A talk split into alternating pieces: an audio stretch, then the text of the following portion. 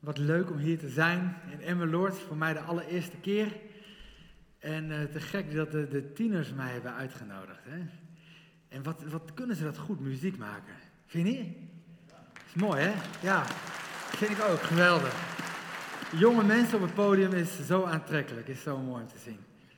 En ze kwamen met een gewichtig thema. Ze zeiden, Olaf wil je spreken over het thema Fear not. Wees niet bang. Mag je eens vragen, wie is er wel eens bang? Zet je hand op. Een belangrijk thema dus, waar we vandaag over gaan hebben. Ja? Hey, noem eens wat op, waar, waar kan je nou zo wel bang voor zijn in het leven?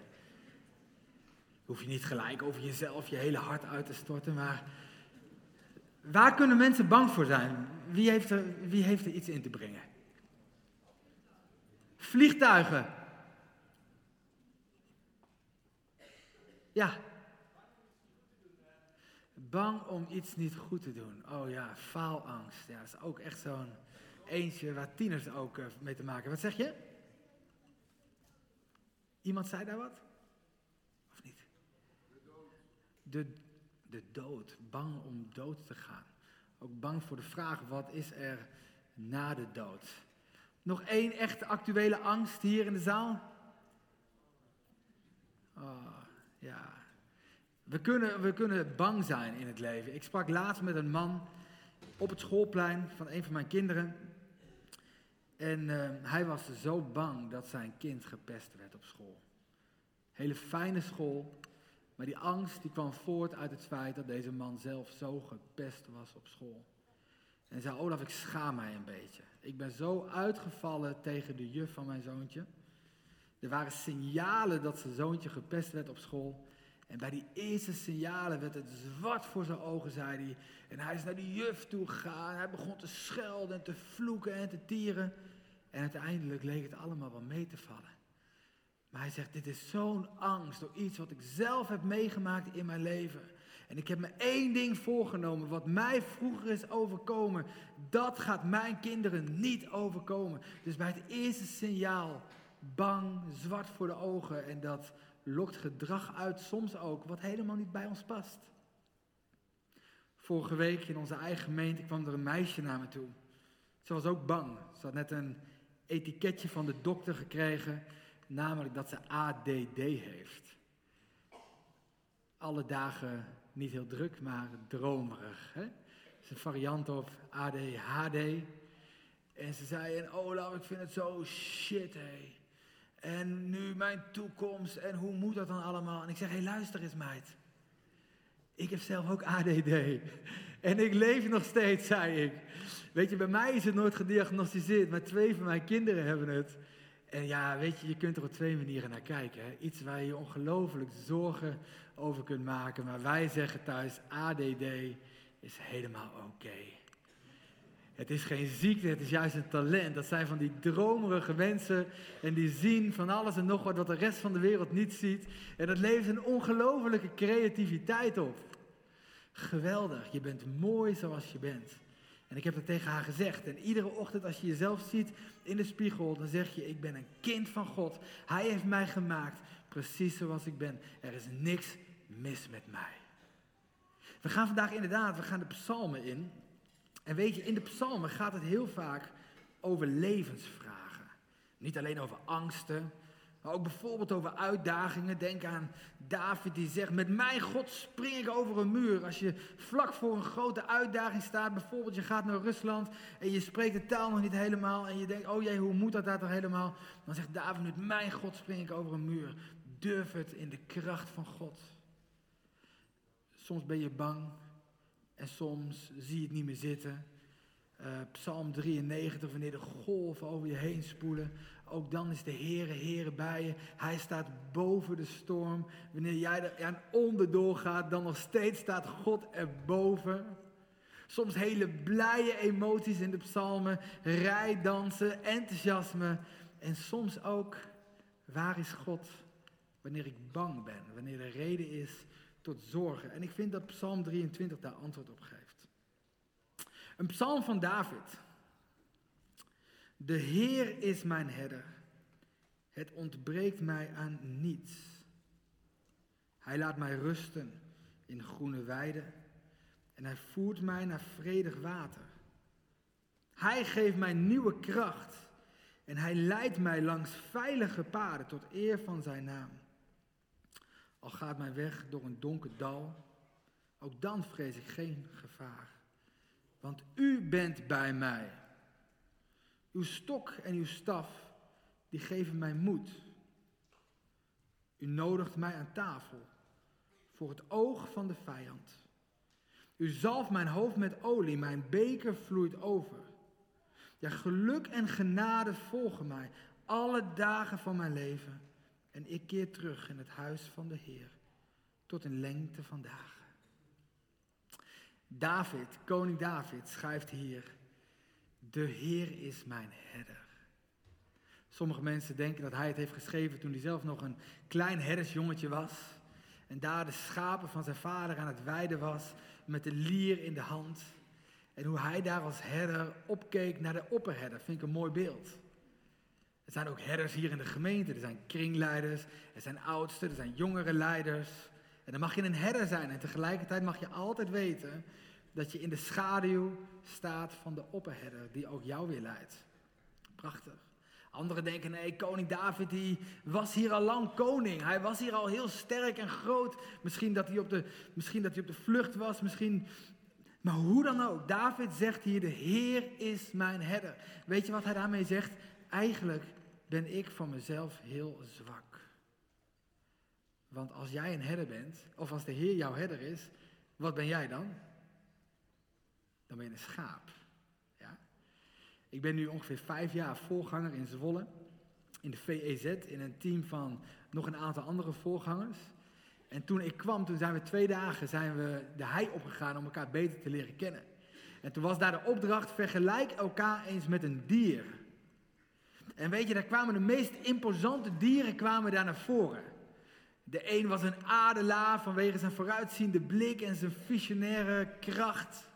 En de ander werd vergeleken met een schildpad, wat staat voor wijsheid. Hè? Echt niet traagheid, dat was het grapje wat we toen even maakten. Nee, maar wijsheid. En een schildpad is een heel wijs dier, gaat al heel lang mee. En weer een ander was een herdershond, maar niemand van ons werd vergeleken met een schaap.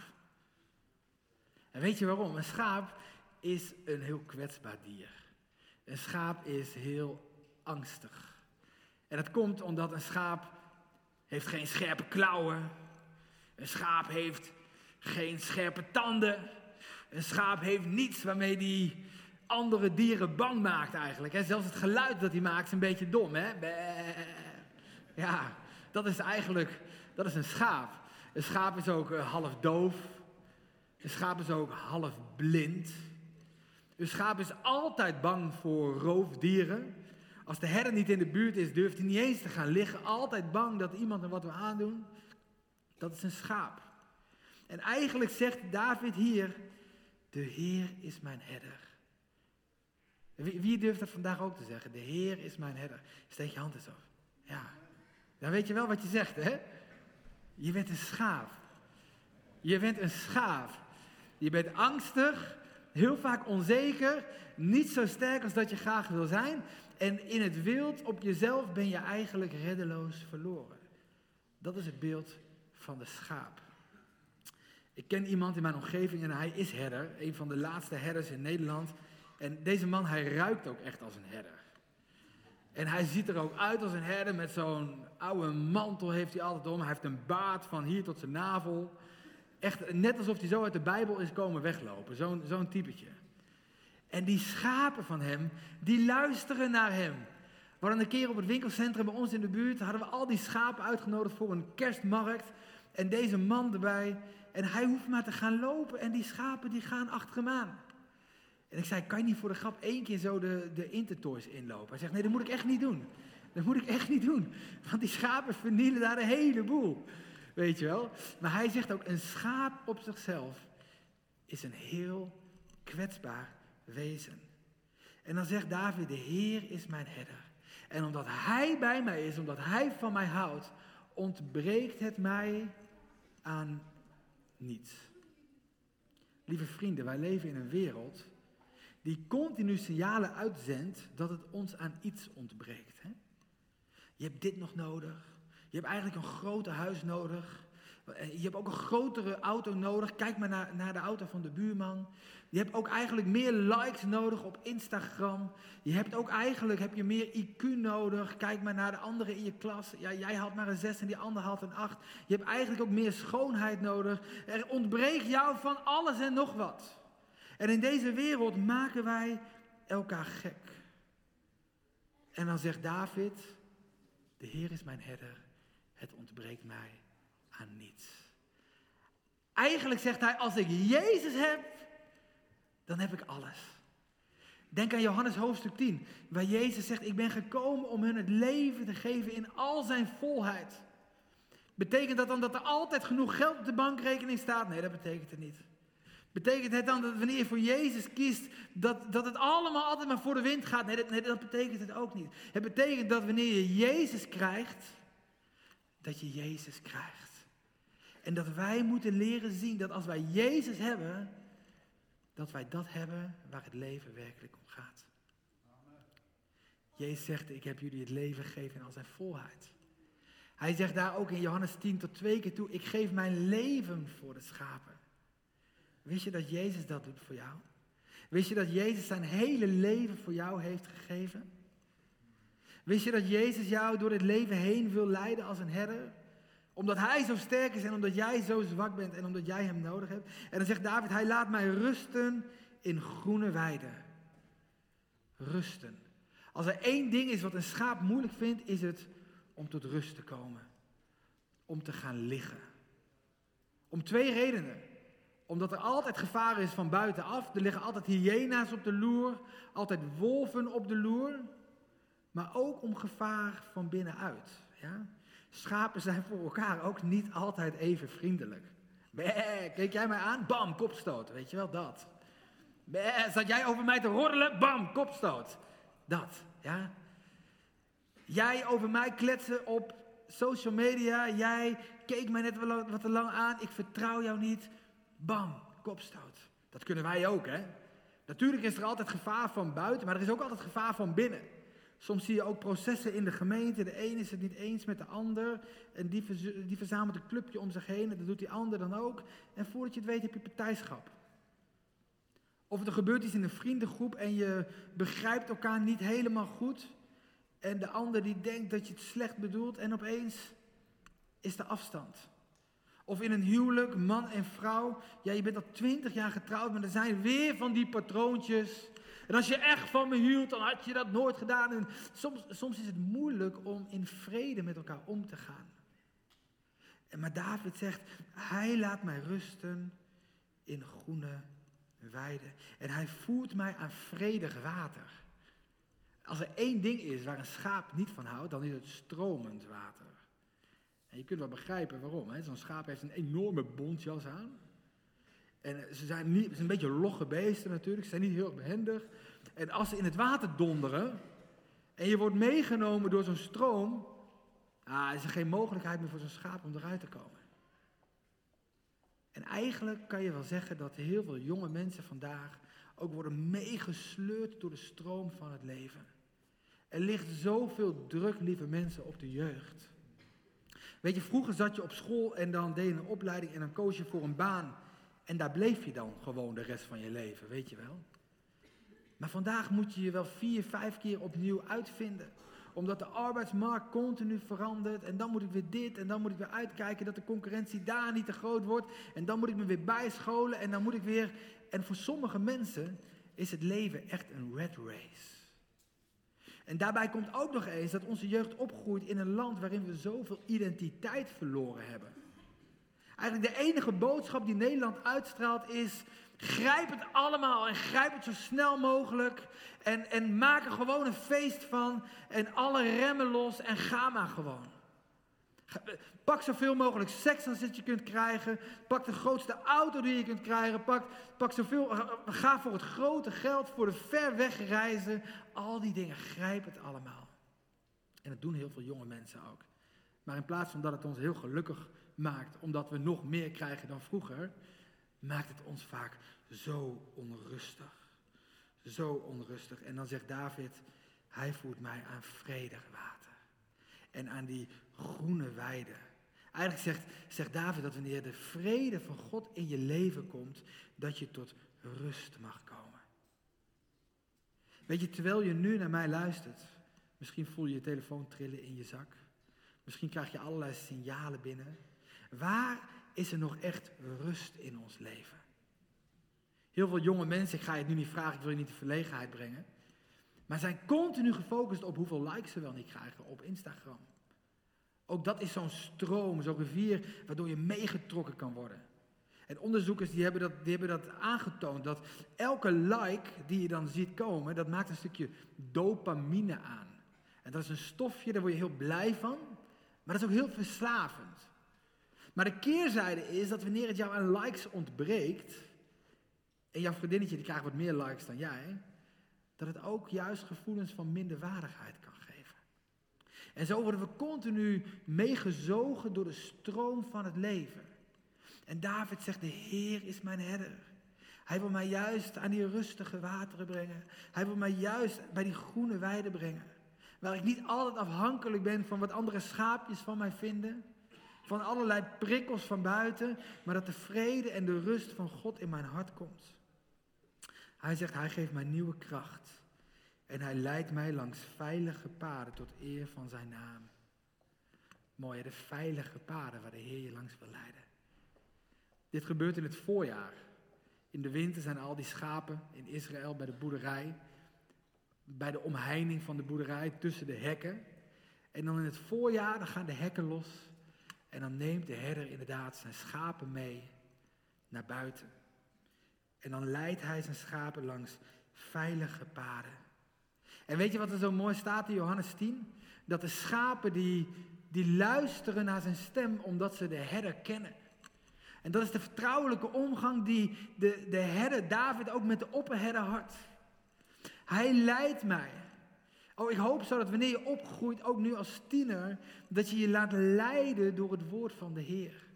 Dat je laat leiden door de zachte stem van jouw herder, de Heer Jezus, die het, die het beste met je voor heeft. En dat niet alleen dat je zijn stem kent, maar dat je ook weet dat hij jouw naam kent. Ook dat staat in Johannes 10. Ja? dan zegt Jezus, de schapen luisteren naar mijn stem, omdat ik hun naam ken. Ik ken ze bij naam. Wist je dat Jezus alles van jou weet? Wist je dat Jezus alles van jou weet? Jezus weet waar jij doorheen gaat. Jezus weet het wanneer jij buikpijn hebt. Jezus weet het wanneer je met je verkeerde been uit bed bent gestapt. Jezus kent jouw diepste angst. Oh, hij leidt mij en ik ken zijn stem en hij kent mijn naam. Dat is wat David, dat is, dat is de relatie die koning David met de opperherder had. Het doet me denken aan een verhaal wat ik eens heb gehoord. En het gaat ook over die bijzondere relatie tussen een herder en zijn schapen. En dat is geschreven door de, door de historicus Josephus. En het gaat over de tijd dat de Romeinen het land Israël in bezit hadden genomen. En toen zijn ze in één dag zijn ze langs alle boerderijen van Israël gegaan en hebben daar alle schapen geplunderd. En die hadden ze op zo'n enorme vlakte neergezet en er stonden duizenden, duizenden schapen stonden daar bij elkaar. En er was een klein herdersjongetje en die was nogal moedig. En die dacht, verdikke me, dat zou me toch niet gebeuren. Die 200 schapen van mij, zomaar weggepakt door die Romeinen. En hij was het er niet mee eens. En hij stampte naar een van die soldaten toe en hij zegt, meneer soldaat, u hebt mijn schapen gejat, zegt hij. En die soldaat zegt, ja jongen, het is een oorlog, ik, ik heb zoveel schapen gejat. En toen dacht die herdersjongetje, maar deze soldaat weet niet hoe dat zit tussen de schapen en zijn eigen herder. En toen zei hij tegen die soldaat, toen zei hij, meneer soldaat, als het mij lukt om in twee minuten mijn 200 schapen uit al deze duizenden schapen weer bij me te krijgen, mag ik ze dan meenemen? zei die soldaat, ja, prima jongen, doe je best, maar dat lukt je toch nooit. En dat herdersjongetje pakt een fluitje en hij begint te fluiten.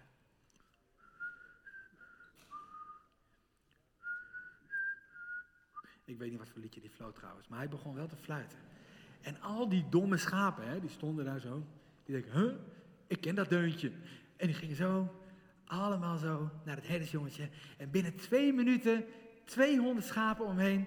En hij zwaait nog even en zegt, meneer soldaat, prettige dag verder. En hij ging zo terug naar huis met zijn eigen schapen. Zo mooi. En dat is hoe wij met Jezus om mogen gaan. Dat wanneer Jezus op een zachte manier fluistert, dat we denken, hé, hey, ik ken dat deuntje. Ik moet achter hem aangaan. Op jezelf ben je vaak reddeloos verloren. Maar er is een herder en hij kent jouw naam. Hij kent jouw diepste angst. Hij kent ook de diepste duisternis van je leven. Hij kent jouw zonde. Hij kent jouw tekortkomingen. Hij weet het wanneer je bang bent ook om dood te gaan. Hij weet het wanneer je bang bent ook om naar school te gaan. En hij zegt, volg mij maar. Langs veilige paden. Ik wil jou leiden. En dan zegt David, al gaat mijn weg door een donker dal. Hoort dat er dan ook bij? Een donker dal? Ik dacht als de Heer Jezus mij leidt dat ik van bergtop naar bergtop ga. Nee, dat is niet waar. Dat is niet waar. Lieve mensen, we leven in een gebroken wereld. En deze hele wereld is toe aan de dag die gaat komen dat de Heer Jezus terugkomt om alle dingen nieuw te maken. En tot die tijd hebben wij te maken met gebroken relaties, met gebroken levensverhalen, met gebroken toekomstdromen, met gebroken verlangens. Eens wat ooit heel super mooi was, dat is allemaal gebroken en de hele wereld zucht naar vernieuwing, zegt, zegt het woord van God. Er is ziekte, er is lijden, er zijn tieners die gepest worden via social media, noem het maar op. En het zijn allerlei patroontjes waar je soms niet uitkomt zonder herder. Zo belangrijk om dat te weten. Ik sprak met een vrouw, zij was inmiddels over de 65 jaar en ze begon te huilen als een kind.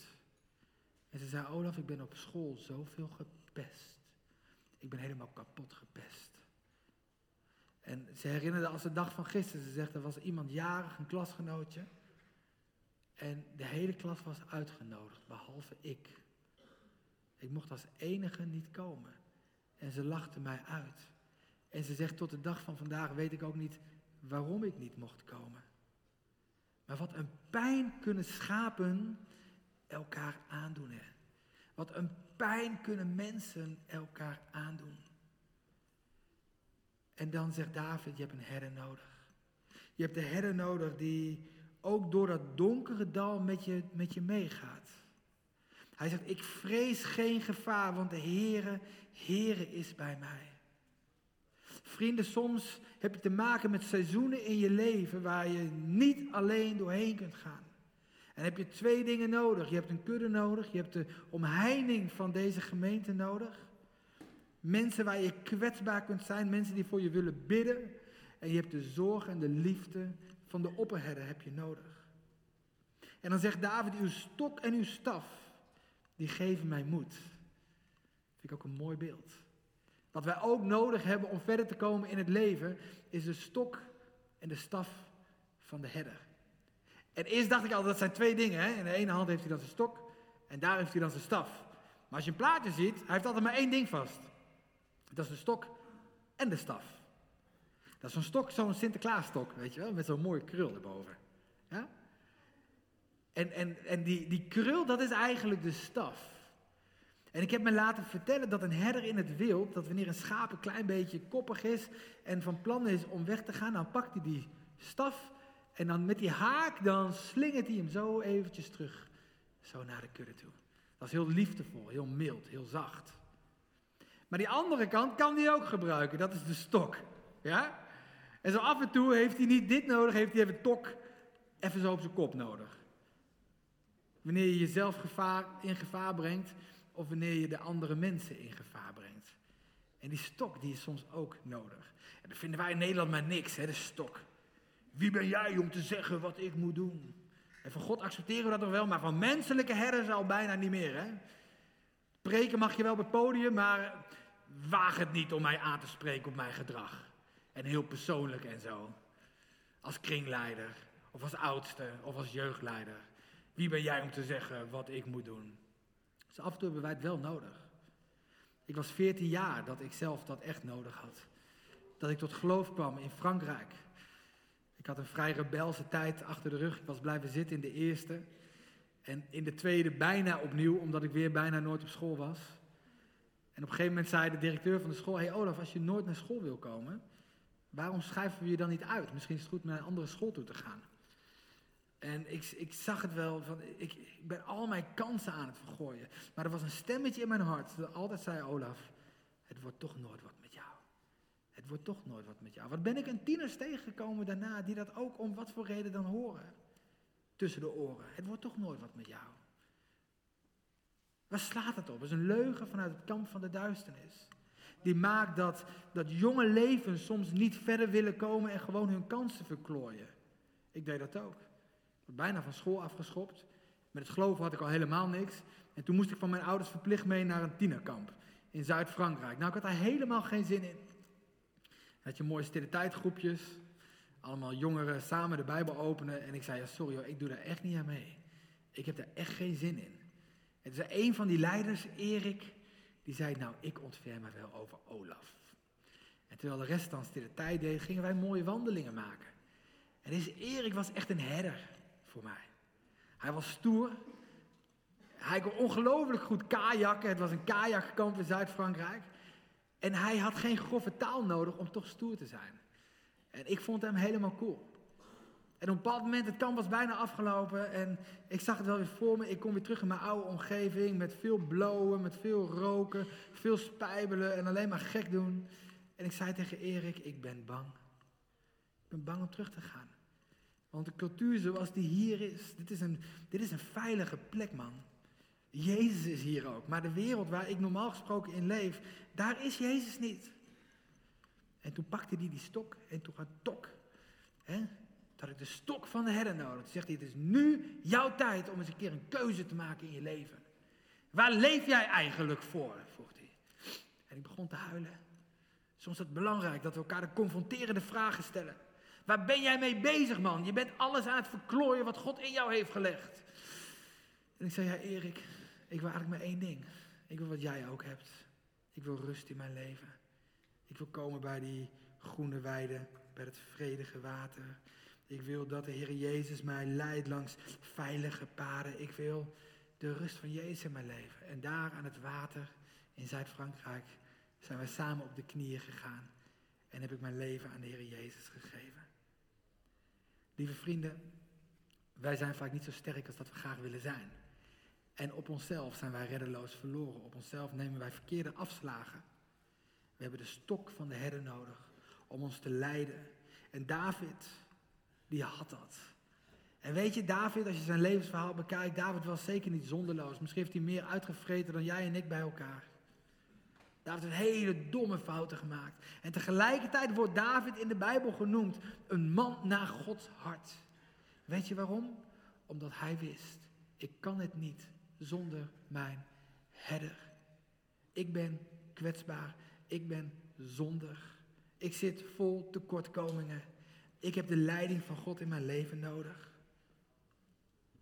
En deze David zegt, u nodigt mij aan tafel. Ook zelfs voor het oog van mijn vijanden.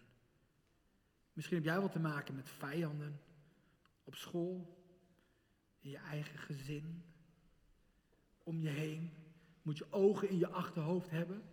Omdat er altijd wel iemand is die iets aan wil doen. Dat is wat schapen herkennen. En uh, ik hoorde het verhaal van iemand. Hij was met zijn zoontje in uh, Zuid-Afrika op safari geweest. En hij kwam terug en hij vertelde twee weken voordat wij daar waren, was er een ander gezin en is een van die babytjes is door een hyena gepakt. Heftig, heftig. Het was een kampvuurtje s'nachts en op een gegeven moment dat vuur ging uit en die vader was een beetje ingedommeld. Hyena's liggen altijd op de loer daar. Ja? Maar zolang er beweging is, en zeker beweging van volwassenen, zullen ze het niet wagen om dichtbij te komen. Deze vader was een beetje ingedommeld. Het kleine kindje van twee, drie jaar oud is door een hyena gepakt. Heftig hè? Dat is wat schapen herkennen. Die durven niet te gaan liggen als ze niet in één oogopslag de herder voor zich zien. Altijd ogen in je achterhoofd hebben. Maar dan zegt David, wanneer de rust en de vrede van God in je leven komt, dan nodigt hij je aan tafel voor het oog van de vijand. Ja, die pesters, die zullen er misschien altijd zijn. Misschien zijn er mensen die je in hun greep houden. Misschien zijn er mensen en het voelt als hyena's. Maar dan kan er iets in je leven gebeuren dat de vrede van God in je leven komt. En dat je weet, ze zijn er wel, maar ze hebben geen vat meer op me. Waarom? Ik ben niet meer afhankelijk van hun mening. Ik ben niet meer afhankelijk van hun goedkeuring. Er is een herder. En als ik hem heb, dan heb ik alles. David zegt, u zalft mijn hoofd met olie, mijn beker vloeit over. Dit gaat ook over herstel. Ik vertelde als schapen, die kunnen soms kopstoten geven aan elkaar en soms verwonden ze elkaar ook. En wat doet de herder dan? Dan pakt hij zalfolie en dan smeert hij die wonden in met olie. Sommigen van ons hebben dat vandaag nodig. De zalfolie. Het herstellende werk van God in je leven. Die vrouw van 65 die had dat nodig. Die nog steeds vast zat in haar kindertijd. Toen ze niet was uitgenodigd voor die verjaardag. Toen ze helemaal alleen stond. Ik zei, er is een God en die kan met zijn zalfolie, kan die herstel geven. Daar waar het leven jouw pijn heeft gedaan. Niet dat je dan geen litteken overhoudt. Niet dat je dan zomaar heel makkelijk over de situatie heen stapt. Maar God, door de kracht van de Heilige Geest, kan een herstellend werk in jouw leven doen. Durf je dat nog steeds te geloven na al die jaren? Misschien zit je vandaag wel vast. Voel het alsof je vast zit in banden. Dat je niet loskomt. Er is een herder. En in de kracht van de geest kan die herstellen waar het leven jouw pijn heeft gedaan. Geluk en genade, die volgen mij. Alle dagen van mijn leven. Betekent dat dat er dan geen lijden meer is? Nee, dat betekent het niet. Betekent dan dat er altijd genoeg geld op de bankrekening is? Nee, dat betekent het niet. Het betekent dat ik Jezus heb. En als ik Jezus heb, dan heb ik ten diepste alles geluk en genade. De genade van de Heer Jezus over mijn leven.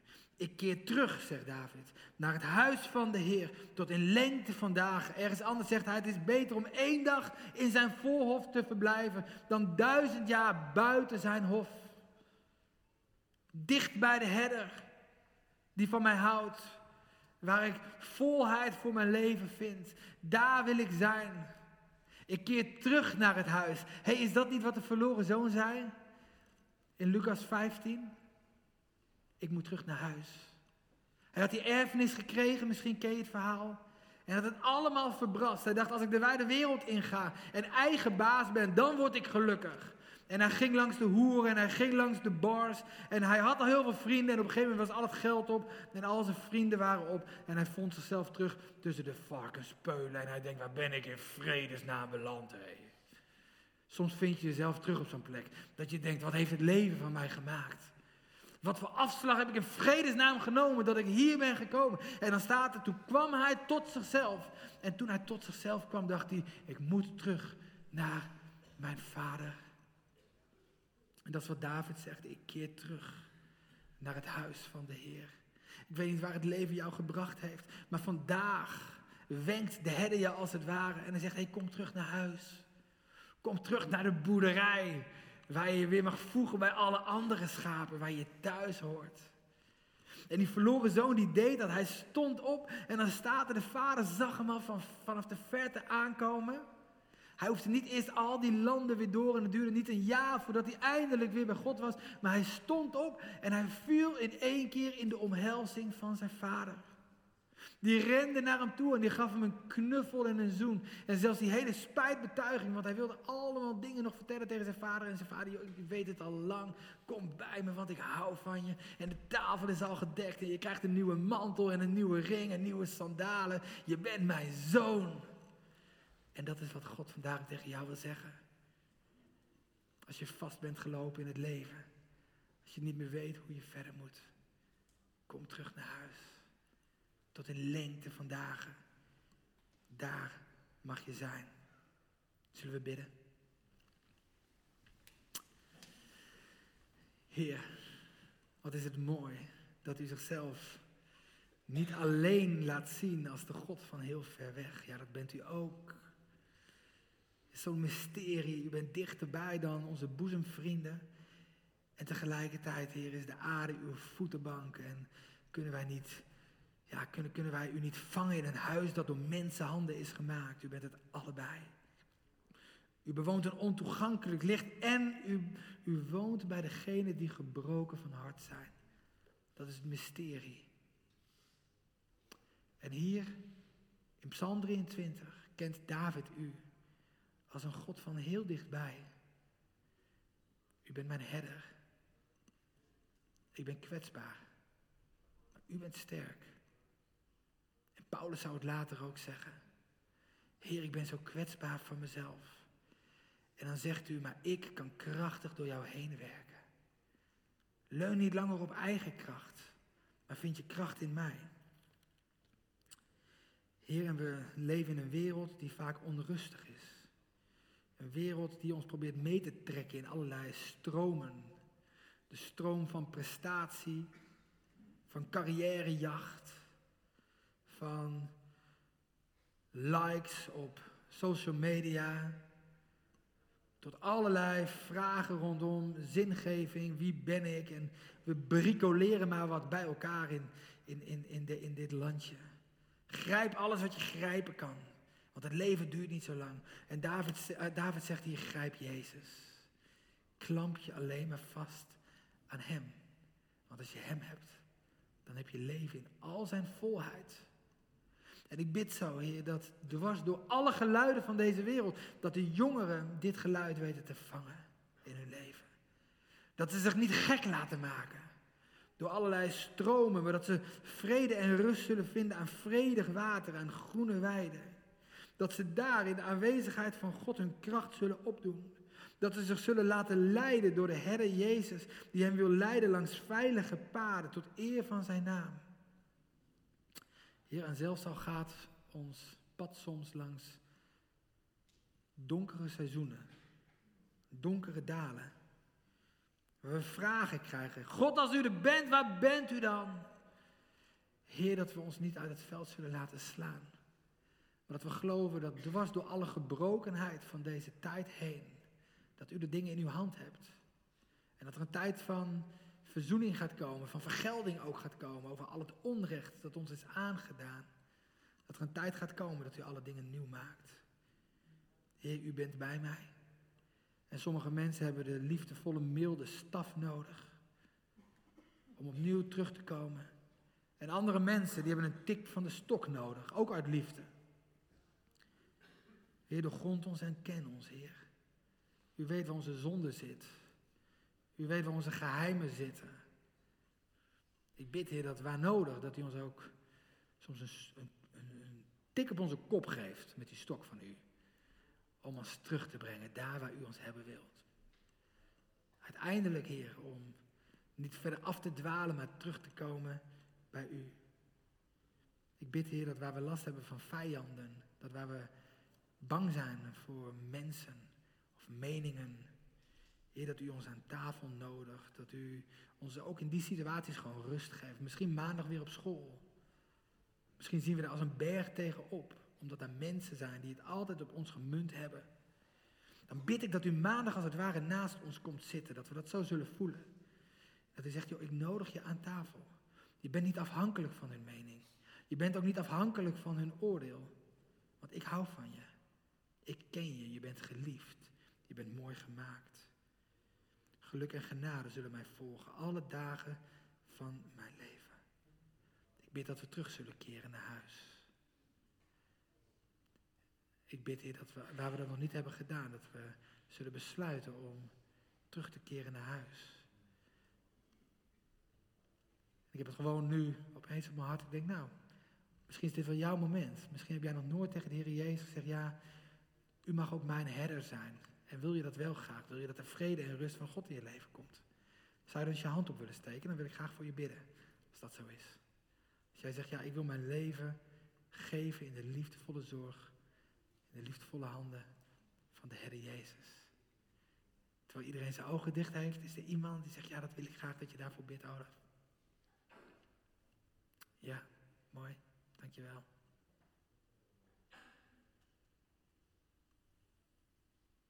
Heer, ik wil bidden voor dit ene schaapje.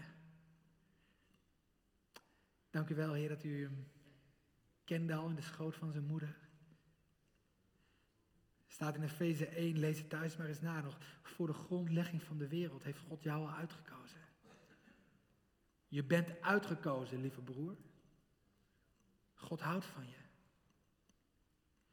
En God de Vader heeft zijn zoon gestuurd om voor jouw zonde te sterven. En daar aan het kruis zegt, zegt Jezus, het is volbracht. De straf die ons de vrede toebrengt, die kwam op hem. Er is niks meer, broer, wat tussen jou en de Vader instaat. Je mag thuiskomen bij hem. Dank u wel, heren, dat hij hier vanmorgen is. En ik bid dat hij verder hier zal opgroeien in geloof in deze prachtige gemeente. Vergezeld door allemaal andere schaapjes. En ik bid dat we ook zo'n cultuur zullen hebben samen. Dat ook de schapen die al langer meelopen, dat ze zich zullen ontfermen over de jongere schapen. Heer, dat de jonge lammetjes hier volwassen kunnen worden. Dank u wel dat we samen zo uw kudde mogen zijn. O Heer, we willen bij u zijn. Niet één dag alleen in uw voorhof, maar tot in lengte van dagen willen wij bij u zijn. Dank u wel, Heer, dat u ons door en door kent. Herstel, Heer, waar het leven ons pijn heeft gedaan. En geef ons de kracht om de toekomst in te gaan. U achterna, uw leiding volgend. Dat vraag ik u in Jezus' naam. Amen. Amen. Gaan wij wat zingen? Wat gaan we doen? It's been an awesome thrill and awesome privilege to surf some of the best waves in the world right at the bottom of the cliffs of Moher. To get the wave involves overcoming fear. For me, it's the fear of a monster wave landing on my head. Instead of allowing anxious and fearful thoughts to fill my heart, I fill my heart with God thoughts and prayer. So, how can we help prevent anxiety and fear from taking over? Come on, hear the word of the Lord. Jesus said, Do not let your hearts be troubled. Believe in God, believe also in me. There's one sure thing that we can do to help stop fear and anxiety, and that one thing is to trust or believe. And trust involves developing a relationship and getting to know the one who loves us the most. The Bible says, I will fear no evil for you, God, are with me. Today, don't let your heart be troubled. Believe in God. Believe in God's Son, Jesus. I hope this helps someone today.